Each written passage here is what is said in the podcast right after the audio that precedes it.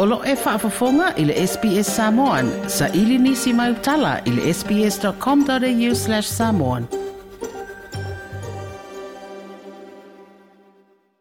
Elena e o tunu ui fafo o loo mōli mawina ai whainga wha amatau masā wā e whasanga i sui whaipule po sui o pāle mene. Na mōli mawina i le tausanga na te anei se o inga i le fale o le tamā e tai o Nancy Pelosi le sa avea mafofonga fetalai o le fono faitu la fono i Amerika. E toa lua sui faipule o le pāle mene o Peretania na fasiotia i tausanga ele i mamau atu. Ia ma le tangata valeina o le sa avea mapale mio i Apani Shinzo Abe i le tausanga na te anei. Ai au se tali anei, Na faalia e faala potopotonga leo leo se si itanga i le ao fai o mata upu esu esu eina e ao fi ai fai nga faa matau masa wā i sui fai pule o pale mene. Le ngata i pale mene se tete ma territory ai o le pale mene tele. Na faalia se sui o le Liberal Party Senator James Patterson o se tūlanga o le alamati ai tū maanga demokarasi o se talienei. Now, this is particularly important because we know from international experience, including in the United States and the United Kingdom, that these threats can turn into very real violence very quickly, and that's the last thing that we want to see in Australia. Senator James Patterson.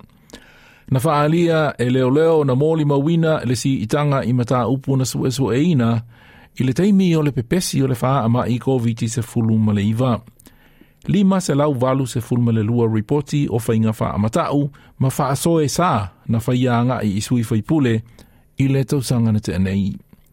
O se matatia, o le valu se fulma le lua o wha asea na wha aulu i le teimi o whainga pālota mō le pāle menetele le tau sanga taluai. E lua mō lianga na alia e mai ai, ai o loo sua sua na pe leo leo nisi mata upua wha asea e se fulma le wha. Ole Pulisili, Ole Company Security, Risk, Ole O'Neill Fergus. Over 500 last year during the federal election. If you go back to the previous federal election, there were only one third of those numbers of um, threats or alleged threats that needed to be investigated. The numbers have tripled during the federal election cycle between the last two elections. Le policilio le company Security, le Risk. Neil Fergus. Na au mai se whaalinga le ACO, o puipuinga o le whaamai e ono tū leia i lunga whainga whapenei. Ona o le nonofo tangata i to tonu o lātou fale, ma whaafesa ngai ma masini computers ma le social media. O le tamaita i o Debra Smith mai le University of Victoria e iailo lona tō mai i su esu enga o whaala putupotonga whapenei e tūleia manatu whapito na ia sa unoa au nisi e wha ailo ailo lātou tali tonunga i lele ai o se malosi po o se pule wha apitoa e te tau ona tu uina i le pāle mene po o fono whaitu la fono. Hey. common thing is that's tying together these threats specifically against politicians is a growing uh, of the role of government and the role of democracy. So we're seeing an undermining of democratic principles, and democracy is being challenged openly. Deborah Smith, Ole University of Victoria. Nā whaalia le taitai o le vanga upu National Party David Littleproud, e le ngata ia te ia. Ai ma whainga tau e au fi ai le o le whasioti tangata. Yeah, look, this is concerning, uh, but it's uh, unfortunately a trend within the society that we're starting to see.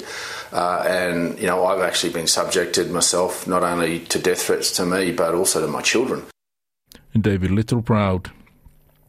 Ai se whamatalanga a leo leo le malo tele, le Australian Federal Police, na tā uai lātou te langolangoina le saolotonga o whaamatalanga po o le freedom of speech. Ai ao oloa i se tūlanga ua whaia se tau whaamatau, ma tele le whaaso e sā, tūsa pe o whaia i lunga o le upenga ta wha ilangi, o i inā e whaamalosi ai le tūlafono ma ono taunu uai ini mōlianga O le ripoti le nā na wha maopōpoina e Finn McHugh ma Julian Uile mō le SBS News. Like, share, ma faāli sau so finangalo, muli muli ile SBS Samoan ile Facebook.